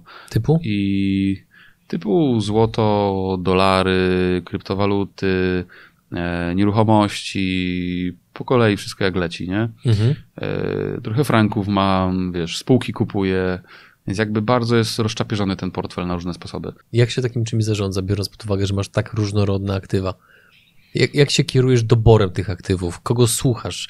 Co czytasz? Czy korzystasz z jakiejś być może płatnej wiedzy? Czy to jest tylko i wyłącznie kwestia klikania w Google i własnych przemyśleń? Jak ten proces wygląda u ciebie? To chętnie, chętnie, chętnie ci na to pytanie odpowiem, bo mam bardzo proste założenie. Inwestuję w rzeczy, które wierzę, że za 15-20 lat będą znacznie więcej warte niż teraz. Koniec mhm. teorii. Wierzę, że kryptowaluty za 15-20 lat albo będą znacznie więcej warte niż teraz, albo całkiem to spadnie do zera. Na obie opcje jestem jakby ok. Dlatego nie mam tam, wiesz, 50% kapitału, tylko znacznie, znacznie mniej. To jest bardzo ryzykowny instrument. Potem jest złoto, które patrząc z tyłu w wykres, mam prawo podejrzewać, przynajmniej podejrzewać, że na przestrzeni 15-20, bo to wszystko kwestia wiary, nie? Wartość tego będzie rosła mhm. przynajmniej tak szybko jak inflacja, może trochę szybciej. E, patrząc na nieruchomości, również jestem w stanie podejrzewać, że jeżeli w, w, w, kontekście 10, 15, 20 lat ma się coś skończyć, to pewnie miejsce do mieszkania w miastach, więc te rzeczy też powinny zyskiwać na wartości. E, jeżeli wchodzimy w dolary, to w kontekście dolarów akurat czy franków to jest tylko zabezpieczenie przed złotówką, która, którą nie wiem co się stanie, nie wiem jak, jak ona się zachowa, więc jakby nie trzymam wszystkich pieniędzy w złotówkach, mhm. bo to jest zbyt ryzykowne. Więc jakby prosto, proste założenie. Nie, nie inwestuję, nie, nie zajmuję się żadnym inwestowaniem spekulacyjnym. Na zasadzie takim, że teraz inwestuję i za tydzień chcę wyciągnąć. Mhm. Tylko i wyłącznie long term. I wtedy wiesz, jak inwestujesz long term, jak dobrze ustrukturyzujesz portfel, to mhm. nic się nie obchodzi. Nie jest tajemnicą, patrząc przez pryzmat twojego Instagrama, mm, że lubisz zegarki. Okay. Jak to wygląda u ciebie z zegarkami, zwłaszcza z tym, który masz na ręce? To była generalnie ciekawa rozmowa, którą odbyliśmy przed budynkiem Brytyjskiego Centrum Finansowego, gdzie mamy studio. Jak podchodzisz do zegarków? No właśnie tak samo. To mhm. znaczy też jak się obserwuje ceny mm, popularnych modeli, no to one też rosną na przestrzeni wielu lat. I teraz jak dobrze kupisz zegarek, e, postarasz się, żeby on e, był długowieczny, jak dbasz o rzeczy, to one są długowieczne, no to to też zyskuje na wartości. Mhm. Po prostu, to jest, po prostu kolejny instrument. Co prawda go nie, nie wymieniłem, bo traktuję go jako bardzo ryzykowny element portfela, bo nigdy nie wiadomo. E, natomiast lubię zegarki. W jakie marki celujesz obecnie? Czy ja jestem fanem Omegi, takim, że naprawdę lubię. Jest parę innych modeli, na które się łaszę, mhm. ale daję sobie Modeli czy marek? Modeli. Mhm. Też Omegi? Nie, innych marek. Czyli inne marki? Też. Okej, okay. a jakie? No, parę. Patek Filip? Jest tam, czy nie ma? Między innymi. Okej. Okay. A czemu tak jakoś tak nagle się wycofujesz? No bo nie wiem, jakby to wracamy do początku, że marzenia mam takie, że jak, jak, jak spełnię, to ci powiem. Okej, okay, dobra. No. E, idąc dalej. Spotkałem się kilkukrotnie z opinią, że jak lekarz jeździ kiepskim autem, to jest to trochę podejrzane. Z kolei w przypadku branży budowlanej kilkukrotnie spotkałem się z opinią, że jeżeli na plac budowy podjeżdżasz zbyt dobrym autem, to to może powodować pewnego rodzaju negatywne reperkusje dla ciebie i dla twojego biznesu. Jak to jest w przypadku twojego biznesu i twojego auta? I wiesz, o które pytam. Tak, no bo jakby samochody są jedyną rzeczą, którą wyciągam poza nawias logiki w życiu. Mhm. A pomimo to i tak je kupujesz w taki sposób, że nich nie tracisz. Znaczy nie wiadomo, nie, bo to jest ten wielki mhm. cwaniak, że nie tracę, a nie tak tracę, tak nie tracę jak sprzedam. Nie? Póki co się udawało, czy będzie się udawało, nigdy nie wiadomo. Natomiast ja podchodzę do tego tak, że e, ja jakby uwielbiam motoryzację, wyrosłem ze zlotów motoryzacyjnych, modyfikowania samochodów. E, dla mnie samochód to jest tak jak firma prawie, nie? To znaczy tam wiesz, możesz zmieniać rzeczy, możesz go modyfikować, sprawiać, że jest coraz lepszy, coraz szybszy, coraz bardziej. To jest po prostu fajne. To, to jest, wiesz, dobra pasja. Teraz kupiłem sobie 30-letni samochód i on też będzie podlegał bardzo mhm. wielu różnym e, rewitalizacjom. Też podejrzewam, że na nim być może zarobię. E, Czy naprawdę myślisz, że pozwolę ci przejść przez ten wątek bez podawania auta, którym przyjechałeś do Bydgoszczy? No ale jakie to ma znaczenie? No, czy no takie, Jak jest na Instagramie, to i tak zobaczy. No tak, ale żeby widzowie generalnie, wiesz, mieli punkt odniesienia, żeby nie było, że tam no coś tam gadają naokoło i tak dalej. No powiedz, jakim autem jeździsz? Jakim przyjechałeś do Bydgoszczy? RS6. No i teraz właśnie, to auto pomaga ci w biznesie, czy przeszkadza? Jak to wygląda? Nie wiem, nie zastanawiałem się nad tym. Nigdy nie płynął żaden sygnał ani na plus, ani na minus ze strony klientów? Płynął, yy, natomiast ja wychodzę z założenia, że jeżeli komuś przeszkadza, że to jest moja pasja, ja to lubię, mhm. e, że to jest jedyna rzecz w życiu, którą wyciągam poza nawias logiki, to ja nie wiem, czy ja chcę, żeby on był moim klientem, nie? Tak swoją drogą. Nie spotkałem się dotąd że z żadnym takim, e, z takim e, wielkim problemem, akurat w kontekście auta. E, raczej spotykam pozytywne głosy. Tak wiesz, że jakby ludzie się interesują, chcą się więcej mhm. dowiedzieć, nie? Też jakby jakoś staram się nie świecić strasznie tym samochodem. Co prawda ostatnio miałem wywiad w dużym w maluchu. Nie tam, świecić. Tam te wywiady są takie nietypowe odrobinę, mhm. ale to nie jest tak mhm. normalnie, że ja staję przed samochodem i się opowiadam, tam chwalę, że jaki on jest fajny i tak dalej. Tak, jest jakby taki, taka jest konwencja tego programu, nie? Jasne. No ale też umówmy się, no generalnie ludzi grzeje temat motoryzacji i nawet jeżeli niektórych to boli, to prawdopodobnie boli tych, którzy z powodów własnych wyborów życiowych nigdy na takie auto nie będą mogli sobie pozwolić. Ale nawet jak nie będą sobie mogli pozwolić, to co? To nic się nie dzieje, nie? Znaczy, jakby trzeba sobie wyraźnie powiedzieć, że dla niektórych ludzi to nie przedstawia żadnej wartości. Oczywiście, że tak. I, mhm. i, i naprawdę trzeba mieć to z tyłu głowy. Raz, że trzeba mieć z tyłu głowy, że, że niektórzy nie kupują sobie takich samochodów, żeby imponować, tylko kupują z innych powodów, to jest pierwsza rzecz. Niektórzy oczywiście tak, jak najbardziej, nie? No bo to jest bardzo prosty skrót umysłowy, nie? Ma dobry samochód, więc jest bogaty. Koniec skrótu mhm. myślowego. No wiesz, to jest, to jest trywialne, nie? Ale... Czy trywialne i jednocześnie też trochę niebezpieczne, no bo biorąc pod uwagę, jaka jest łatwość w dzisiejszych czasach leasingów, najmów, to to wcale nie jest Dokładnie. taki równoważnik, nie? I znam, o, znam ogromną liczbę ludzi znacznie, znacznie bardziej yy, jakby ogarniętych biznesowo, bogatszych ode mnie, którzy jeżdżą znacznie, znacznie gorszymi samochodami, bo to nie przedstawia dla nich żadnej wartości. Mało tego, to, że oni wydają się, są odbierani jako osoba mhm. z klasy średniej, to jest dla nich nawet na plus. Świadomie to robią. Ja to naprawdę rozumiem. Mhm. I sam nie wiem, jak, jak ja będę się zachowywał za 5-10 lat, bo nie wiem, co, wiesz, co przyszłość przyniesie, nie? Jakie błędy przez te minione 3 lata rozwoju biznesu popełniałeś prywatnie czy zawodowo, który, z których dzisiaj, jak o, jak o nich wspominasz i o nich rozmyślasz, to robisz takiego palm face'a, uderzając się ręką w czoło? Bo pytam dlatego, ponieważ może trochę celowo próbuję e, odchylić na chwilę tą warstwę Szymona dyplomaty, Szymona kulturalnego, Szymona, który ma wszystko policzone, bo jest wykształcenia informatykiem, ale poszedł w biznes. Więc chciałbym zobaczyć, czy na tym idealnym lakierze Audi RS6 są gdzieś rysy, bo muszą być. Jest jedna, no. Proszę. Ale na Audi RS6. E... Wiesz co? Wydaje mi się, że taki mój pierwszy błąd, e, który mam sobie bardzo za złe, e, to to, że ja długo zwlekałem z tą decyzją skalujemy, nie skalujemy. to wydaje mi się, że to, to był błąd. Drugi błąd y, był taki, że ja totalnie źle wyceniłem nasze usługi na początku. One były tak dwa razy taniej niż powinny być. To też był duży błąd, który mnie wiele kosztował. Dałby mi więcej paliwa do rozwoju, być może szybszego. Ja uważasz, że być może przez to była mniejsza bariera wejścia dla klientów, że oni faktycznie wchodzili między innymi do tego? Jakby nie wiem, nie? Wiesz, wykres mhm. do tyłu się łatwo analizuje, więc... Oczywiście. Więc powiem, że nie wiem. E, natomiast myślę, że taki mój największy błąd mm, jest taki, że ja bardzo długo nie chciałem odejść od pracy operacyjnej z klientami. Dlaczego? E, no bo miałem takie poczucie, że jak ja przestanę pracować z klientami, to zbankrutujemy i w ogóle, i w ogóle. Okay. I, I, doszło do takiego kuriozum w pewnym momencie, że ja pracowałem na stawkach z 2018 Mhm. No bo obiecałem, u nas jest tak, że jak podpiszesz umowę, to nie podnosimy ci stawki konsultingowej, po prostu, nie? Jasne. E, I to była też taka, z mojej perspektywy, takie oddzięczenie się klientom na początku, jak zaufaliście mi na początku, to wam się kurczę należy ta niższa stawka, choćby mhm. nie wiem co, nie? Bo zaufaliście wtedy, kiedy jeszcze nikt prawie nie zaufał. Więc to jest uczciwy deal, nie? I ja to ciągnąłem, słuchaj, to było kuriozalne, bo na przykład firma robiła, nie wiem, 600 tysięcy przychodów w miesiącu, z czego ja, nie będąc w niej 15 dni, robiłem 30 mhm. z tych 60, nie? Mhm. I, wiesz, z tych 600. Z tych 600. Mhm. I, I wiesz, no to nie było biznesowo uzasadnione, nie? Ale jakby i mnie ciągle ludzie wewnątrz namawiali, no ale Szymon, mm. ale weź mniej, bo tutaj ci brakuje, tu, tutaj się zajmie i tak dalej. No i rzeczywiście kolejna fala naszego wzrostu wzięła się z tego, że po prostu niektóre projekty poddawałem, niektóre pokończyłem i uwolniłem sobie czas na, w pełni na rozwój, mhm. a nie tam cztery dni miesięcznie, nie? Mhm. Z kim się, znaczy wcześniej na to odpowiedziałeś, że no masz kontakt z klientami, więc stąd ta wiedza i tak dalej, no ale wyobrażam sobie, że pomimo nawet takiego dostępu do wiedzy, to siłą rzeczy i tak musisz się konsultować z jakimiś ludźmi, żeby pewne rzeczy przekminić, przegadać, tak. przeanalizować. Kim są ci ludzie? No wiesz to, no w większości to są nasi konsultanci, nie? No bo my zatrudniamy mądrych mhm. ludzi na dodatek, nie? Więc jak jestem w ogóle mhm. otoczony mądrymi ludźmi z każdej strony, to są mądrzy klienci, bo teraz jak sobie wyobrazić, że zawsze to mówię, człowieka, który słucha obcego człowieka w podcaście przez wiele, wiele godzin, to to z założenia jest ktoś, kto ma dystans, ktoś, kto wie, że nie wie wszystkiego, ktoś na dużym szacunku, szukający wiedzy, to, to nasi klienci przeciętnie to są niesamowici ludzie, potem nasi konsultanci to są niesamowici ludzie, a potem tam, gdzie ja sam nie daję rady, to jakby proszę o pomoc specjalistów, tak jak was proszę o pomoc w kontekście kanału mm YouTube'owego, nie? Bo mm jestem mhm. przekonany, że dalibyśmy radę zrobić to sami, ale na pewno nie tak dobrze i tak szybko, kiedy mm korzystamy z doświadczenia kogoś, kto już tam był Jasne. i widział, nie?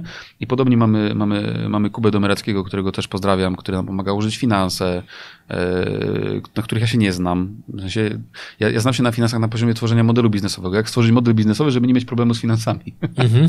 I u nas tak to jest, że jakby tak jest stworzona cała siatka w modelu biznesowym, że tam nie ma szans, żeby był problem mhm. z cashflow, teoretycznie, dopóki klienci płacą. Ale nasz największy klient ma, nie ma więcej niż 2% przychodu, więc jesteśmy bezpieczni, nie? Bardzo rozsądkowo podchodzicie. Tak. Mhm. I to też, był, to też było celowo oczywiście. To nie zaskoczy, nie? Ale e, zatrudniamy specjalistów tam, gdzie e, oni, tam, gdzie nam brakuje i w naszym gronie mhm. brakuje wśród osób, którymi, z którymi pracuję, nie? Mhm. I też wiesz, na przykład paradoksalnie, ale ja dzięki temu, że stałem się trochę bardziej rozpoznawalny, e, mogę poznawać takich ludzi jak ty, wiesz, jak e, Filip Nowobilski, nie? To też są ludzie totalnie z mojej, z mojej bajki, robią coś kompletnie innego w większości przypadków. To też jest, wiesz, mocno rozwojowe, nie? Idąc dalej, twoje zdrowie.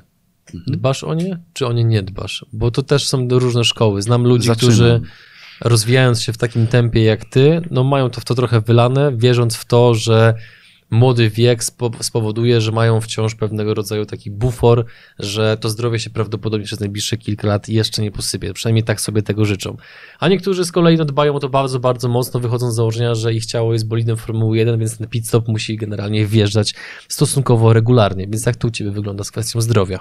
Zarówno fizycznego, jak i mentalnego. Nie, to me mentalnie aktualnie czuję się bardzo zdrowy. To znaczy, rozumiem swoje plusy, minusy, jestem ze sobą pogodzony, wiem na czym muszę mhm. pracować, jakby super.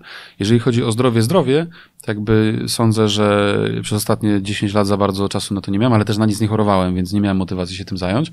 Natomiast ubiegając rzeczywistość, między innymi inspirowany przez ciebie, nie? no bo ty jesteś dla mnie właśnie taką osobą, która bardzo mocno traktuje swoje ciało jak bolid Formuły 1. No, dziękuję, staram się ale tak, tak to odbieram. Nie? I to jest dla mnie inspirujące. Mimo, że o tym nie gadamy, to ja to widzę. Mhm. Czy na Instagramie, czy w twoich wypowiedziach, czy w tym, jak się ubierasz i tak dalej. Nie?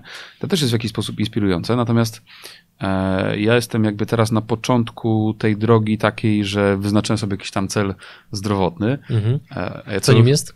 ja celów nie wyznaczam, żeby ich nie robić. E, na razie sobie wyznaczyłem cel, żeby być na siłowni przez rok czasu, trzy razy w tygodniu Mhm. z trenerem personalnym, który mnie poprowadzi i odcinam się od kontekstu wagowo, obwodowo, jakiegokolwiek, bo mam wrażenie, że on psuje czasami wysiłki, nie? że ktoś jest tak, mam schudnąć, a, jakby, a jeżeli twoim celem jest zdrowie, Mhm. to w sumie schudniesz czy nie? Jak schudniesz to fajnie, jak nie schudniesz to też fajnie, nie? Tym bardziej, Bo to jest często mylący parametr, nie? No bo Dokładnie. ludzie patrzą na wagę, a nie na obwody, a generalnie no mięśnie są bardziej gęste od tkanki tłuszczowej, więc siłą rzeczy możesz ważyć więcej, paradoksalnie chodząc na siłownię. Dlatego taki cel, nie? Mhm. Yy, I, I wiesz, i mam takiego trenera personalnego, którego ostatnio zapytałem, czy ktoś go lubi. Powiedział, że zależy gdzie. na siłowni na pewno nie. No i mam takie poczucie, że na przykład gdybym nie miał takiego człowieka, który obok mnie stoi i wie, na ile mogę sobie pozwolić, wiesz, motywuje mnie, kiedy, kiedy widzę, że nie dam rady, Mhm.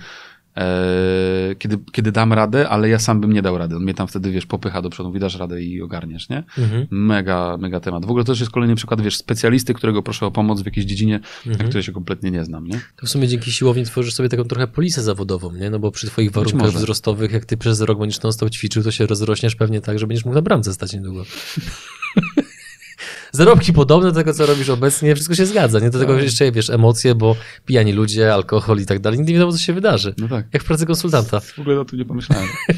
Idąc dalej, powiedz mi, jak ty e, podchodzisz do kwestii urlopu? Co na nim dokładnie robisz, żeby mieć tą przestrzeń w głowie, żeby sobie pewne rzeczy przemyśleć, przeanalizować? Tym bardziej, że jest żona, jest dwójka dzieci, na urlopy wyjeżdżacie wspólnie, z tego co zrozumiałem, no siłą rzeczy, no tym bardziej jak siedzi na trzy tygodnie, hello.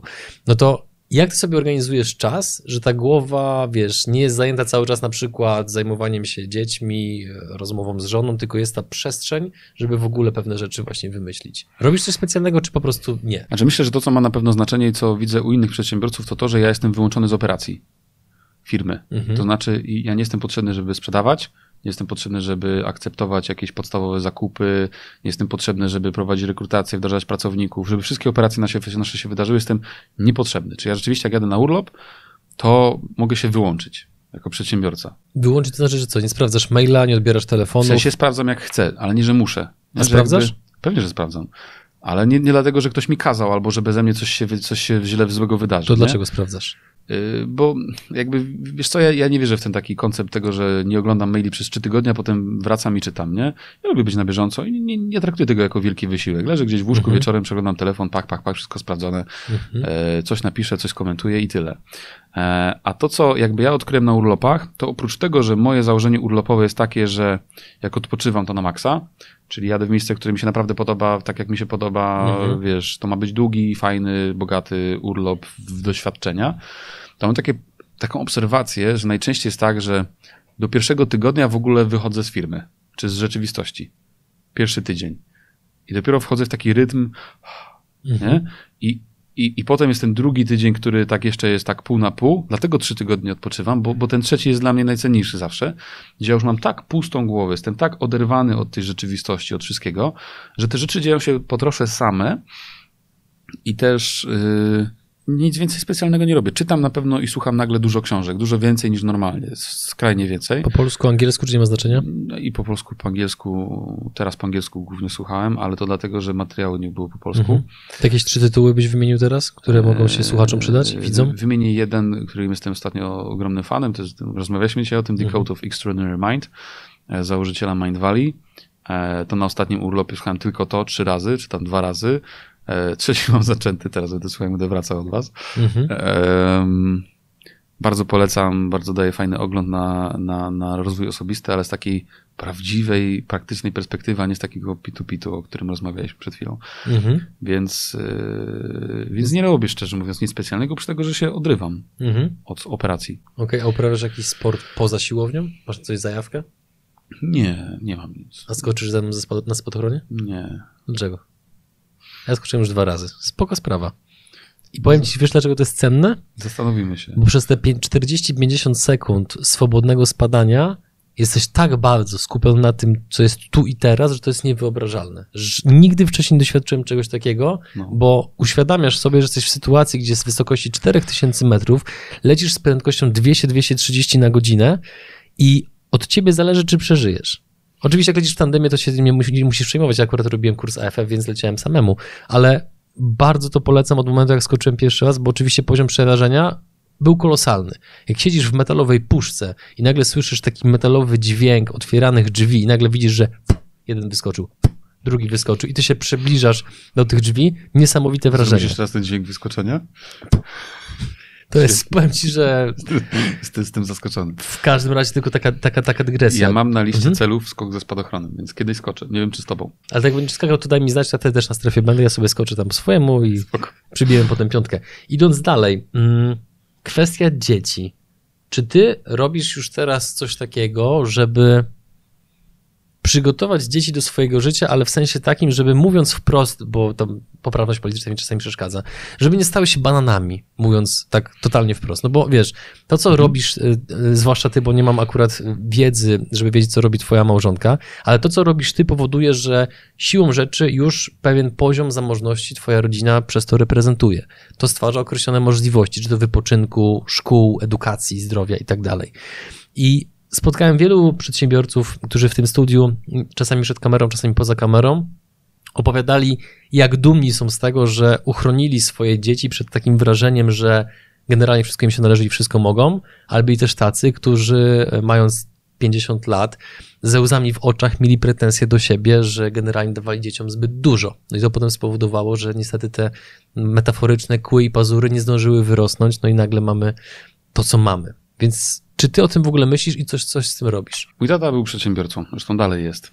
E, Ja dorastałem w domu, w którym e, nie było jakoś tak strasznie bogato, e, ale było na pewno powyżej przeciętnej.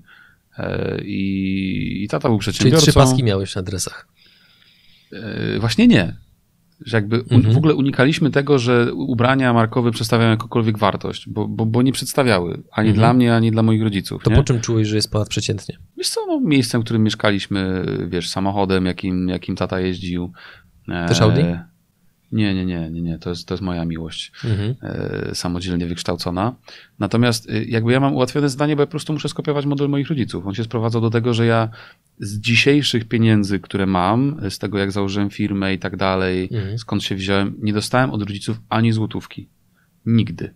Znaczy dostawałem jakieś tam kieszonkowe, e, dostawałem pieniądze na studia, dostawałem pieniądze na wszystkie rzeczy, których potrzebuję do rozwoju, ale nigdy na jakiekolwiek zbytki, na jakiekolwiek inwestycje, na jakiekolwiek pomysły. E, I to do tego stopnia, że e, ja poszedłem pierwszy raz do pracy, jak miałem 16 lat i zarobiłem wtedy swoje pierwsze pieniądze i tak ja mniej więcej od tego 16 roku życia ciągle gdzieś pracuję, ciągle coś robię i, i to też jest ciekawe, że ja jako jakby pochodziłem z dobrego domu, ale pracowałem, wiesz, tu pracowałem, bo, bo wiesz, bo, bo mówiłeś o KFC, nie? Ale tak naprawdę KFC to już była super praca, nie? Ja przed KFC byłem domokrążcą, sprzedawałem e, door to door, Mhm. e, umowy telefoniczne, pracowałem na budowie nosząc kostki brukowe, e, pracowałem na budowie wożąc taczką żwir na przykład, całe to jest w ogóle prze- przerobane cały dzień, jak wozisz, wozisz, y, wozisz żwir. Mhm. E, Byłem też w jakiejś pizzerii, pracowałem, roznosiłem ulotki, wiesz, tak by ja robiłem dużo takich głupich rzeczy, nie? I tam miałem takie pomysły na biznes. Pamiętam, że nagrałem sobie, to był rok naprawdę 2008, 2007. Ja nagrałem kurs, jak robić y, te przeróbki graficzne w Gimpie. Opublikowałem go na Allegro, wtedy startowało za 30 zł i na drugi dzień dostałem pozew do sądu, że nie mam działalności gospodarczej. Jakiś tam gość napisał, że mnie pozywa, wiesz. Dobra historia. Jezu, no i ja takich historii, że coś tam zaczynałem, coś tam Mhm. robiłem, to jakby masę miałem. Ja jakby uważam, że to najważniejsza rzecz, jaką chcę nauczyć moich dzieci, to to, że ludzie dzielą się na dwie duże kategorie. Oczywiście dzielą się na wiele, wiele różnych kategorii, ale na producentów i konsumentów. Mhm. I albo jesteś jednym, albo jesteś drugim. Albo tworzysz coś, co jakby ludzie będą konsumować, albo jesteś tym, który tylko Mhm. konsumuje, konsumuje, konsumuje to, co wytworzyli inni. I uważam, że absolutnie niesamowitym jest to, żeby, żeby być producentem. Bo teraz patrz, ja założyłem Sellwise, nie? Ale prawda jest taka, że miałem już kompetencje graficzne, sam sobie logo zrobiłem. Mhm. Wiedziałem, jak zrobić stronę internetową, więc sobie sam ją zrobiłem. Wiedziałem, jak ją pozycjonować, więc sobie sam ją Więc wypozycjonowałem. byłeś producentem. Więc jakby ja byłem producentem, ale jakby ja wcześniej robiłem te rzeczy w różnych kontekstach, ale nigdy nie spodziewałem się, że one mi się posklejają w jedno, nie? E, To jest to łączenie Pra- się kropek wstecz, o których kiedyś Jobs mówił. tak, pracowałem w radiu internetowym, gdzie byłem, nazywałem się DJ Eiffel. DJ Eiffel. No bo mam dwa metry, nie? Okej, I, dobra. wiesz, I miałem, miałem swoją audycję w, w radiu internetowym, jak miałem, nie wiem, 16 lat czy 17, nie? Mhm. E, wiesz, tworzyłem jakieś, w pewnym momencie, no, wchodzimy w takie rzeczy, ale jakiś tomik poezji wydałem nawet, jak byłem w, w szkole, nie? A, dobra, ale co Są było tym jakieś- twoim drive'em, że ty tyle rzeczy robiłeś? Nie, no nie wiem, nie mam ja pojęcia. słyszałem nieraz o historiach takich, że jest e, rodzina, która jest zamożna i jest dziecko, które na przykład rodzice próbują nakierować właśnie na taki etos pracy i tak dalej, a dziecko w pewien sposób sfrustrowane mówi, przecież macie, to mi dajcie. No ale ja mówię, macie to mi dajcie. A rodzice mówili, no nie, że nie potrzebujesz tego. Pokazywali ci środkowy palec, czy nie? Nie, nie, z dużym szacunkiem. Ja im wszystko Mhm. zawdzięczam, naprawdę. Uważam, Okej. że gdyby nie to, to, to mnie by nie było, nie?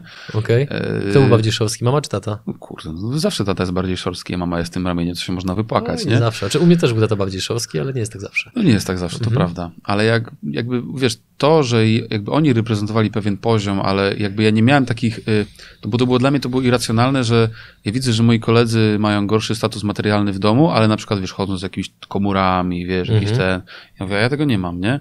I Mnie frustrowało bardzo. Ja wtedy nie rozumiałem, dlaczego to jest takie ważne, nie? Natomiast, y, wiesz, zrozumienie tego, bo teraz, o, producentem. Bo mój tata był producentem. Teraz tak sobie myślę. Mhm. Na przykład u nas w domu y, mój tata chciał zrobić saunę. Przyszło pięciu specjalistów, powiedział, sami, sami debile. Sam ją zrobił w końcu, nie?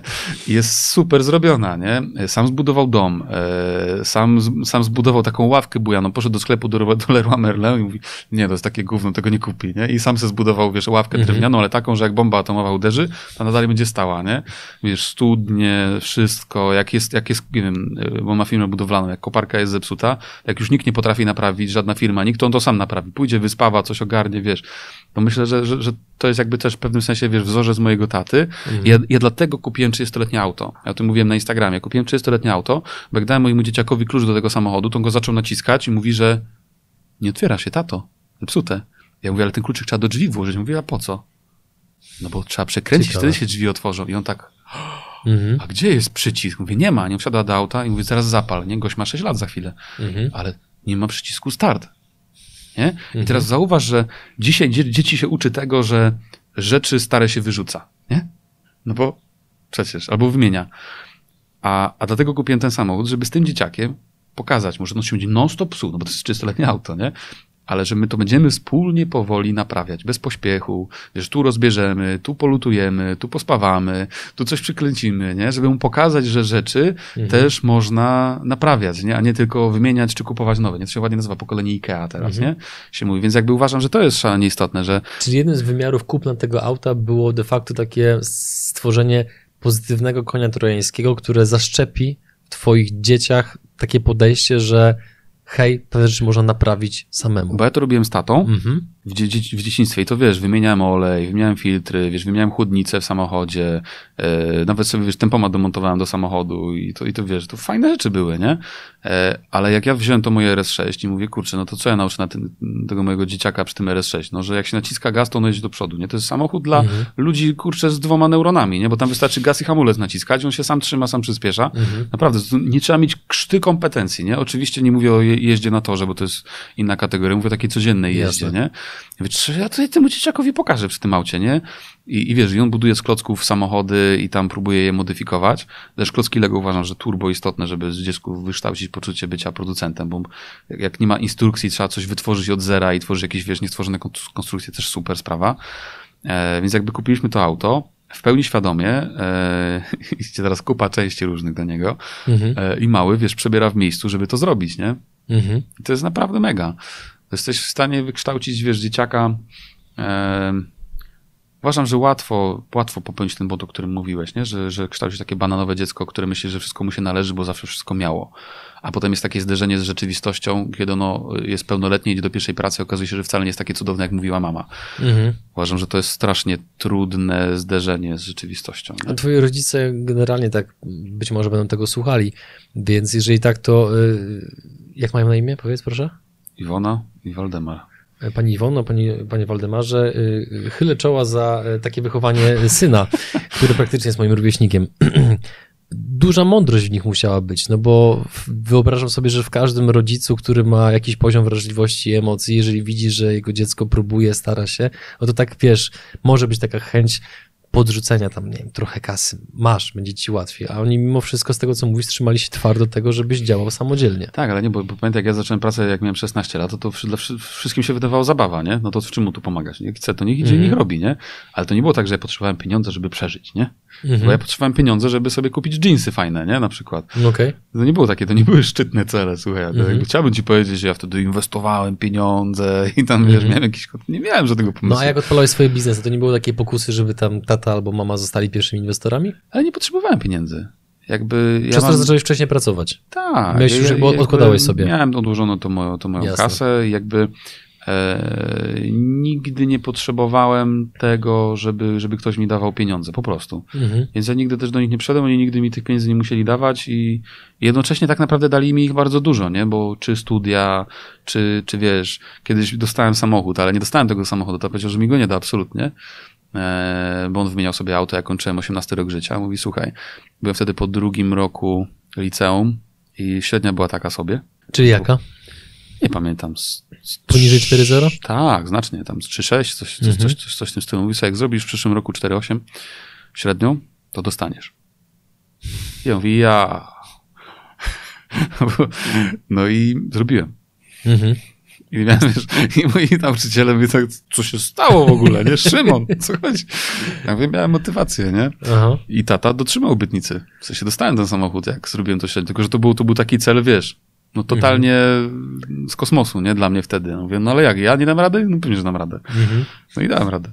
Idąc do kolejnego tematu, taką tylko dygresję powiem. Nie wiem, czemu muszę to powiedzieć. Nie? Jak powiedziałeś, że ludzie się generalnie dzielą na dwie kategorie, to znaczy na więcej, ale na dwie. Mówisz o producentach i o konsumentach, to przypomniała mi się od taka historia, którą kiedyś słyszałem, że pewna osoba była świadkiem tego, jak prokurator przesłuchiwał osobę tam oskarżoną o usiłowanie morderstwa no i ten prokurator już generalnie miał taki staż, że on za bardzo nie przejmował się tym, co do ciebie mówi, jak mówi, a poprawność polityczna to w ogóle było chyba dla niego abstrakcyjne pojęcie. I właśnie ta osoba była świadkiem tego, jak prokurator powiedział do tej osoby, że wie pan co, różni nas jedna rzecz. No w sumie więcej, ale powiem o, jednej. Pan jest hamem, a ja nie. No i potem kontynuował generalnie rozmowę z nim, nie? Ale idąc dalej, wiesz w UFO? Eee, nie mam takich rozkmin. Mhm. Nigdy się nie zastanawiałeś nad tym? To znaczy na poziomie statystyki uważam, że tak, mhm. tylko że do, znowu do tego matematycznie podejdę, nie? że jeżeli weźmiemy wielkość wszechświata, ilość układów e, słonecznych w galaktykach, to statystycznie jest nieprawdopodobne, że, na, że, nie ma żadnej drugiej planety, gdzie nie wiesz, nie wykształciło się mhm. e, możliwości do życia, ale to tak, wiesz. Jest taka jedna rzecz, która mnie totalnie rozwala w kont kontekście wszechświata. Proszę. Powiedzieć ci? Proszę. To jest taka rzecz, że mi się kończy pamięć operacyjna, jak o niej myślę. Patrz, jak my jesteśmy na Ziemi, nie? Ziemia jest w układzie słonecznym. Układ słoneczny jest y, w drodze mlecznej, nie? W naszej mhm. galaktyce. A ona jest wśród wielu galaktyk w naszym wszechświecie. W czym jest wszechświat? Gdzie on jest zawieszony? No. W czym my tkwimy? To to jest taka myśl, że jak Może ja teraz... by powiedział, że w symulacji. Je, ale wiesz, dla mnie mi to, mi to rozwala głowę, nie? Że ja wiem, gdzie jest Ziemia, wiem, gdzie jest układ, rozumiem, wiesz, inny ten, i rozumiem, że jest wszechświat, on się szybko rozszerza, ale w czym jest wszechświat? I to jest, wiesz, masakra. To jest taka rozkmina dla mnie, że ja po prostu jak o tym zaczynam myśleć, mhm. to mi się robi niekomfortowo, muszę szybko przestać. A bardziej wierzysz w niebo czy w reinkarnację? Ale pytania wymyśla. Nie, znowuż jakby, no, jestem tak praktycznym człowiekiem, że też nie rozkminiam się nad tym. Mhm. Musiałbym teraz zmyślać coś z głowy i się zastanawiać. No wolałbyś niebo czy reinkarnację? Wolałbym niebo czy reinkarnację? Eee, nie wiem. Dobra, to wróćmy Ale ponoć praktyczne umysły nie potrafią przetwarzać abstrakcyjnych pytań. Okej, okay, dobra, tak wybrnąłeś. Dobrze. Zbliżając się powoli do końca, mam kolejne pytanie. Eee, specyfika naszego kraju, ale myślę, że nie tylko naszego kraju i mówienie o tym tylko przez pryzmat Polski jest trochę krzywdzące dla Polaków. Mm, sukces rozumiany w dowolny sposób powoduje to, że e, są osoby, które kibicują, podziwiają, szanują, debatują, jak to zrobiłeś, ale są te osoby, które mają też mm, ból części ciała, gdzie plecy tracą swoją szlachetną nazwę. I czy spotkałeś takie osoby na swojej drodze? Nie mów mi, że nie, bo obydwoje tak. wiemy, że tak. I czym to się objawia z ich strony? Po czym widzisz, że kogoś właśnie cztery litery bolą? Czy ja właśnie wcale nie wychodzę z założenia, że ich koniecznie bolą cztery litery, nie? Bo y, każdy człowiek żyje po to, żeby udowadniać swoją własną prawdę. Każdy z nas ma jakieś przekonania, w które bardzo wierzy. I teraz, jeżeli ktoś ma na przykład sobie takie przekonanie, że przedsiębiorcy to złodzieje, to on będzie moim wrogiem po prostu, nie? I ja nie mam wpływu na to, że on ma takie przekonanie. Może wyniósł je z domu, może mhm. ktoś mu je zaszczepił. I, I wszędzie tam, gdzie nasze przekonania się będą bardzo mocno różnić, tam występuje taka ta antypatia, nie to, że mówisz tak, uuu, i szukasz dziury w całym, nie? Że pewnie, pewnie oszukał albo ukradł, albo cokolwiek, nie? I bycie e, twórcą internetowym, podcasterem, e, kimkolwiek, kto wystawia, kto merytorycznie mówi cokolwiek, wystawia się na ocenę, nie? A jeżeli się wystawiasz na ocenę, to się musisz liczyć z tym, że nie wszyscy to dobrze ocenią, nie? Wystarczy otworzyć dowolny filmik na YouTubie i zawsze są łapki w górę i łapki w dół. To znaczy zawsze coś się komuś nie podoba, nie? I teraz e, uwalniającym jest to zrozumieć, że to może wynikać z czyichś przekonań, które są jego i nie zmienisz ich i może są zasadne, a twoje są złe, nigdy nie wiesz, nie? Więc yy, staram się omijać, może tak, na pewno jest, y, jest dużo ludzi, którzy mają jakiś problem, ale ja wychodzę z założenia, że jeżeli jest ktokolwiek, kto ma ze mną problem, ale nie ma do mnie bezpośredniego numeru telefonu i nie może do mnie zadzwonić i mi o tym powiedzieć, to znaczy, że i tak nie zna mnie dostatecznie dobrze, żeby móc mieć ten problem. Mhm. Nie? Czyli teraz jakby... Ciekawa obserwacja. Tak, czyli teraz patrz, y, rozmawiamy godzinę, nie? Ktoś ogląda ten wywiad, ktoś ma określone zdanie na mój temat, pozytywne, negatywne, neutralne i ta godzinna rozmowa w żaden sposób nie odzwierciedla ani mnie, ani mojego życia. To jest jakiś malusieńki wycinek mhm. prawdziwej rzeczywistości, który wiesz, ja nie znałem jak twoich pytań, nie wiedziałem, czy będzie ta rozmowa, nie miałem zielonego pojęcia. I jeżeli ktoś jest anty po wysłuchaniu tej rozmowy, to on jest anty do tej rozmowy, ja to, ja to tak rozumiem, a nie do mnie czy do mojego mhm. życia, bo jeżeli ktoś nie ma numeru bezpośredniego do mnie, to nie zna mnie na tyle dobrze, żebym ja mógł się tą opinią przejąć. Może tak żeby ona miała mhm. dla mnie realną wartość, nie? Że ktoś na przykład z tobą na tyle dużo rozmawiam, że jak mi coś powiesz i wiesz, tu się znamy, tam się znamy i tak dalej, no to i masz do mnie bezpośredni numer telefonu, to na przykład tym bym się przejął. Ale że ktoś w komentarzu napisze, na przykład ktoś napisał w serii eksperckiej, w którymś odcinku napisał, ten uczony ekspert to nie sprzedałby mi nawet ołówka. I ja mówię, i ja tak czytam. Dobry komentarz. Dobry. No nie, I ja mówię, kurczę. No i mówię, nawet bym nie próbował, nie? Z drugiej Aha. strony.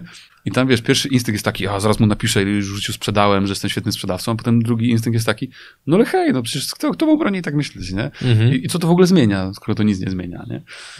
Tak samo działa GoWork na temat opinii o firmach, nie? To znaczy tam GoWork jest miejscem wylewania frustracji, a nie dawania prawdziwych, rzetelnych opinii. I to też trzeba mieć na uwadze, nie? Mhm. Oceniając jakąś firmę przez pryzmat y, tego, co tam jest na przykład. Nie? A czemu nie ma GoWorka działającego w drugą stronę? Że pozytywnych opinii? Nie, to... że oceniamy pracowników. A że pracowników, o panie, no to byłoby bardzo ciekawe. No bo w, w branży, o ile się orientuję, generalnie najmu nieruchomości, y, jest taki serwis, gdzie możesz właśnie um, opisywać właśnie danego najemcę i co ciekawe, właściciele nieruchomości w swoich umowach dają taki zapis, że zgadzasz się na to, aby twoje dane były umieszczone w tym serwisie właśnie. Powiem ci tak, widziałem setki sytuacji, że beznadziejny, okropny oszusta handlowiec odchodził od pracodawcy, i pracodawca dawał mu pozytywne referencje. Wiesz dlaczego? Bał się, że będzie obserwowany w internecie, czy dlaczego? Nie. Bał się, że on wyciągnie bazę klientów, że wiesz, będzie chciał się w jakiś sposób zemścić na tej firmie. Okay. Są ludzie, którzy mają dostęp do wielu informacji, nie? Więc jakby to jest pewnie głównym powodem. Mhm. Że jakby nie chcesz, nawet jeżeli ten, to tak, to był dobry pracownik, nie? Mhm. To się wyróżniał tym. Ja na przykład miałem pracownika, którego zwolniłem za, za no, za jego jestestwo, w sensie nie pasował do nas. Natomiast on przyszedł i on, on mówi, że zdaje sobie sprawę z tego, że nie pasował i wie, gdzie, gdzie to nie zadziałało, ale czy byłby mu skłonny napisać referencję o tym, co dobrze działało? Bo tam było parę rzeczy, za które go doceniałem. Mówię, o tym, co dobrze działało? Jak najbardziej tak, bo jeżeli mhm. to, zobaczy to pracodawca, który akurat tego szuka, to będzie to dla niego wartość. Mhm. I mu zrobiłem te referencje, nie opisałem to, w czym naprawdę był dobry. Chyba postawimy kropkę, co? Stawiajmy. To jest w ogóle dziwny format strasznie. Dlaczego? Jakby nie, nie prowadziłem nigdy takiej rozmowy z nikim i to jeszcze publicznie. Czy udało mi się ciebie odrobinę zaskoczyć? Znaczy, jak, jak, jakby mm, do, do, do, widzów może powiem, że jakby Adrian mnie tak wprowadził, sobie mam taki pomysł na rozmowę, czy tutaj, wiesz, zadam ci parę pytań takich, zobaczymy, gdzie masz granice. Jest takie granice, nie? Ale czy, czy, wiesz, no wydaje mi się, że chyba i tak myśleliśmy się w jakichś takich granicach rozsądku, nie? Nie pytam, czy twoje życie intymne na przykład. Chyba, że chcesz nie pogadać. Dziękuję. e, Szymon, bardzo dziękuję za rozmowę, dzięki za te wszystkie odpowiedzi. Niektóre z nich mi również dały do myślenia. Mm, no i co, w tym momencie powinniśmy zaprosić na serię ekspercką. Tak, jest seria ekspercka, jest nagrana. E, myślę, że jakoś 2, 3, 4 tygodnie po ukazaniu się tej rozmowy możecie mhm. jej wyglądać tutaj na kanale e, serial o zarządzaniu sprzedażą. Tak jest. Tak jest. No i co, na ten moment żegnamy się. Tak jest. Dzięki za rozmowę. Dzięki. Dzięki drodzy widzowie za wysłuchanie. Poprosimy o łapki w górę. Dziękujemy za wszelkie subskrypcje. Dziękujemy za komentarze i do zobaczenia w kolejnym nagraniu. Cześć. Cześć.